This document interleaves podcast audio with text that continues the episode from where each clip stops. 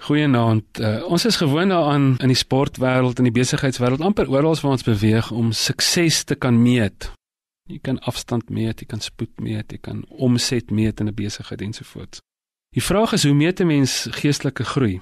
Nou die klassieke maniere waarop 'n mens geestelike groei meet is aan kennis. Die Jode sou 'n klein Joodse seentjie roep en dan sal hy 'n deel van die Torah opsê en dan sê hulle vir die ooms daar: "Kyk, hierdie kind het al verder gegroei as van julle. Hy ken hierdie ding uit sy kop. Kyk hoeveel kennis het hy."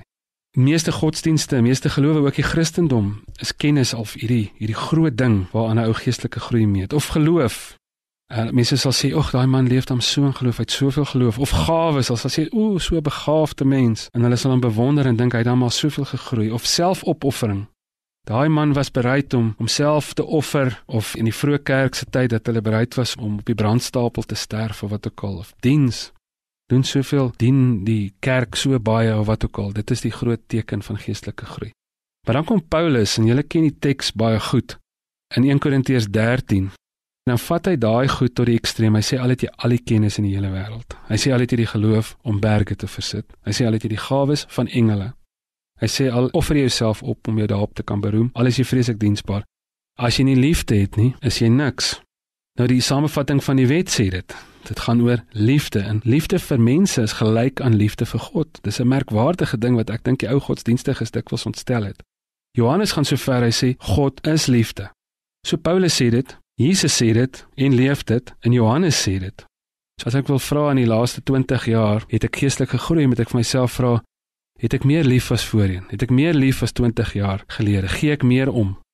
As ek myself vra, my as ek 'n nuwejaarsvoorneme gehad het om om hierdie jaar geestelik te groei, dan moet ek myself vra, gee ek meer om as vroeër die jaar, as verlede jaar?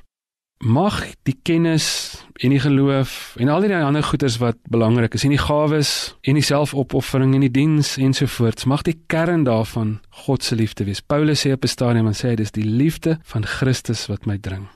As ons dit nie het nie, kan ons baie godsdienstig wees en God mis. Ek onthou my dogtertjie Matilda, toe sy gebore is, toe ek soos Katinka nou al so 3 jaar oud en toe lees ek eendag 'n ander ou wat sê hy het so gevoel, dink ek ek het my eie hart ook so gevoel. Dog ek moet ek nou van Katinka se liefde en Marina se liefde verdeel en nou is daar nog 'n kind en wat gaan nou gebeur? En ek onthou daai dag wat hulle Matilda hierdie klein babietjie in my arm sit en ek vat haar, ek kon haar letterlik so in een hand vashou en ek het haar vas in my hand gehou toe sy vir die eerste keer in haar lewe haar oë oopmaak. Dit was 'n fantastiese ervaring om dit te kan beleef. Maar kon onthou toe daai ontmoeting plaasvind, toe ek aan my hand voel, toe kan ek letterlik voel hier binne in my ook iets gebeur. Toe kan ek voel hoe my hart groei met een volle Matilda. En dis my nuwe beeld vir geestelike groei. Is dat my hart sal groei. Jesus sê as jy my volg, dan sal jou hart so groei, jy sal nie net liefde hê vir jou eie mense nie, jy sal liefde hê vir ander mense, jy sal selfs liefde hê vir jou vyande. Hou sien na die dag, mag ons harte so groei dat ons is soos 'n taxi waar altyd plek is vir nog een. Kom ons bid saam.